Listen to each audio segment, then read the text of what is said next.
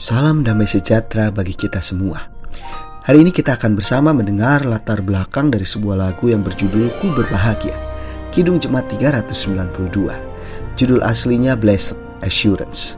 Dan teks sendiri ditulis oleh Fanny Crosby dan musik dibuat oleh Bobby Knapp dan diterjemahkan ke dalam bahasa Indonesia oleh ahli bahasa.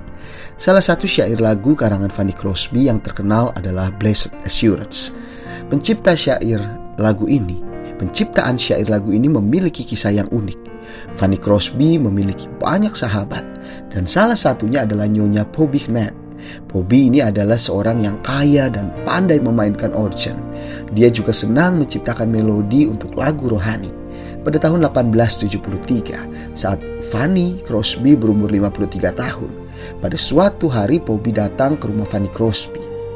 Tante Fanny, saya baru saja menciptakan melodi untuk lagu rohani.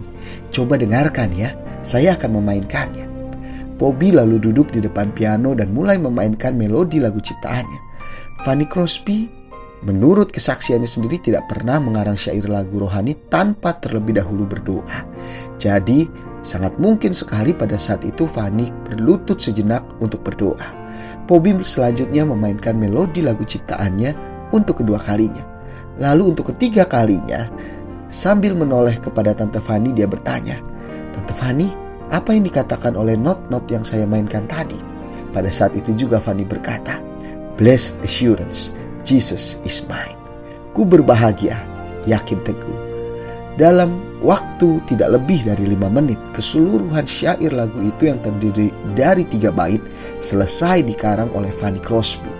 Sungguh luar biasa keseluruhan bait pertama lagu itu begitu indah dilanjutkan di bait yang kedua dan ketiga. Sungguh syair lagu yang luar biasa dan dengan melodi yang tepat, maka lagu ini menjadi nyanyian rohani yang disukai oleh orang percaya di seluruh dunia selama lebih dari 100 tahun. Ada banyak syair lagu rohani karangan Fanny Crosby yang masih terus disenandungkan oleh orang-orang percaya sampai saat ini. Memang melalui kebutaannya, malah membuat Fanny Crosby bisa memunculkan kemampuan yang luar biasa dalam mengarang syair lagu Kristen. Tuhan merencanakan hal yang terindah bagi Fanny Crosby yang mengalami kebutaan total sejak usia 6 minggu pada saat itu.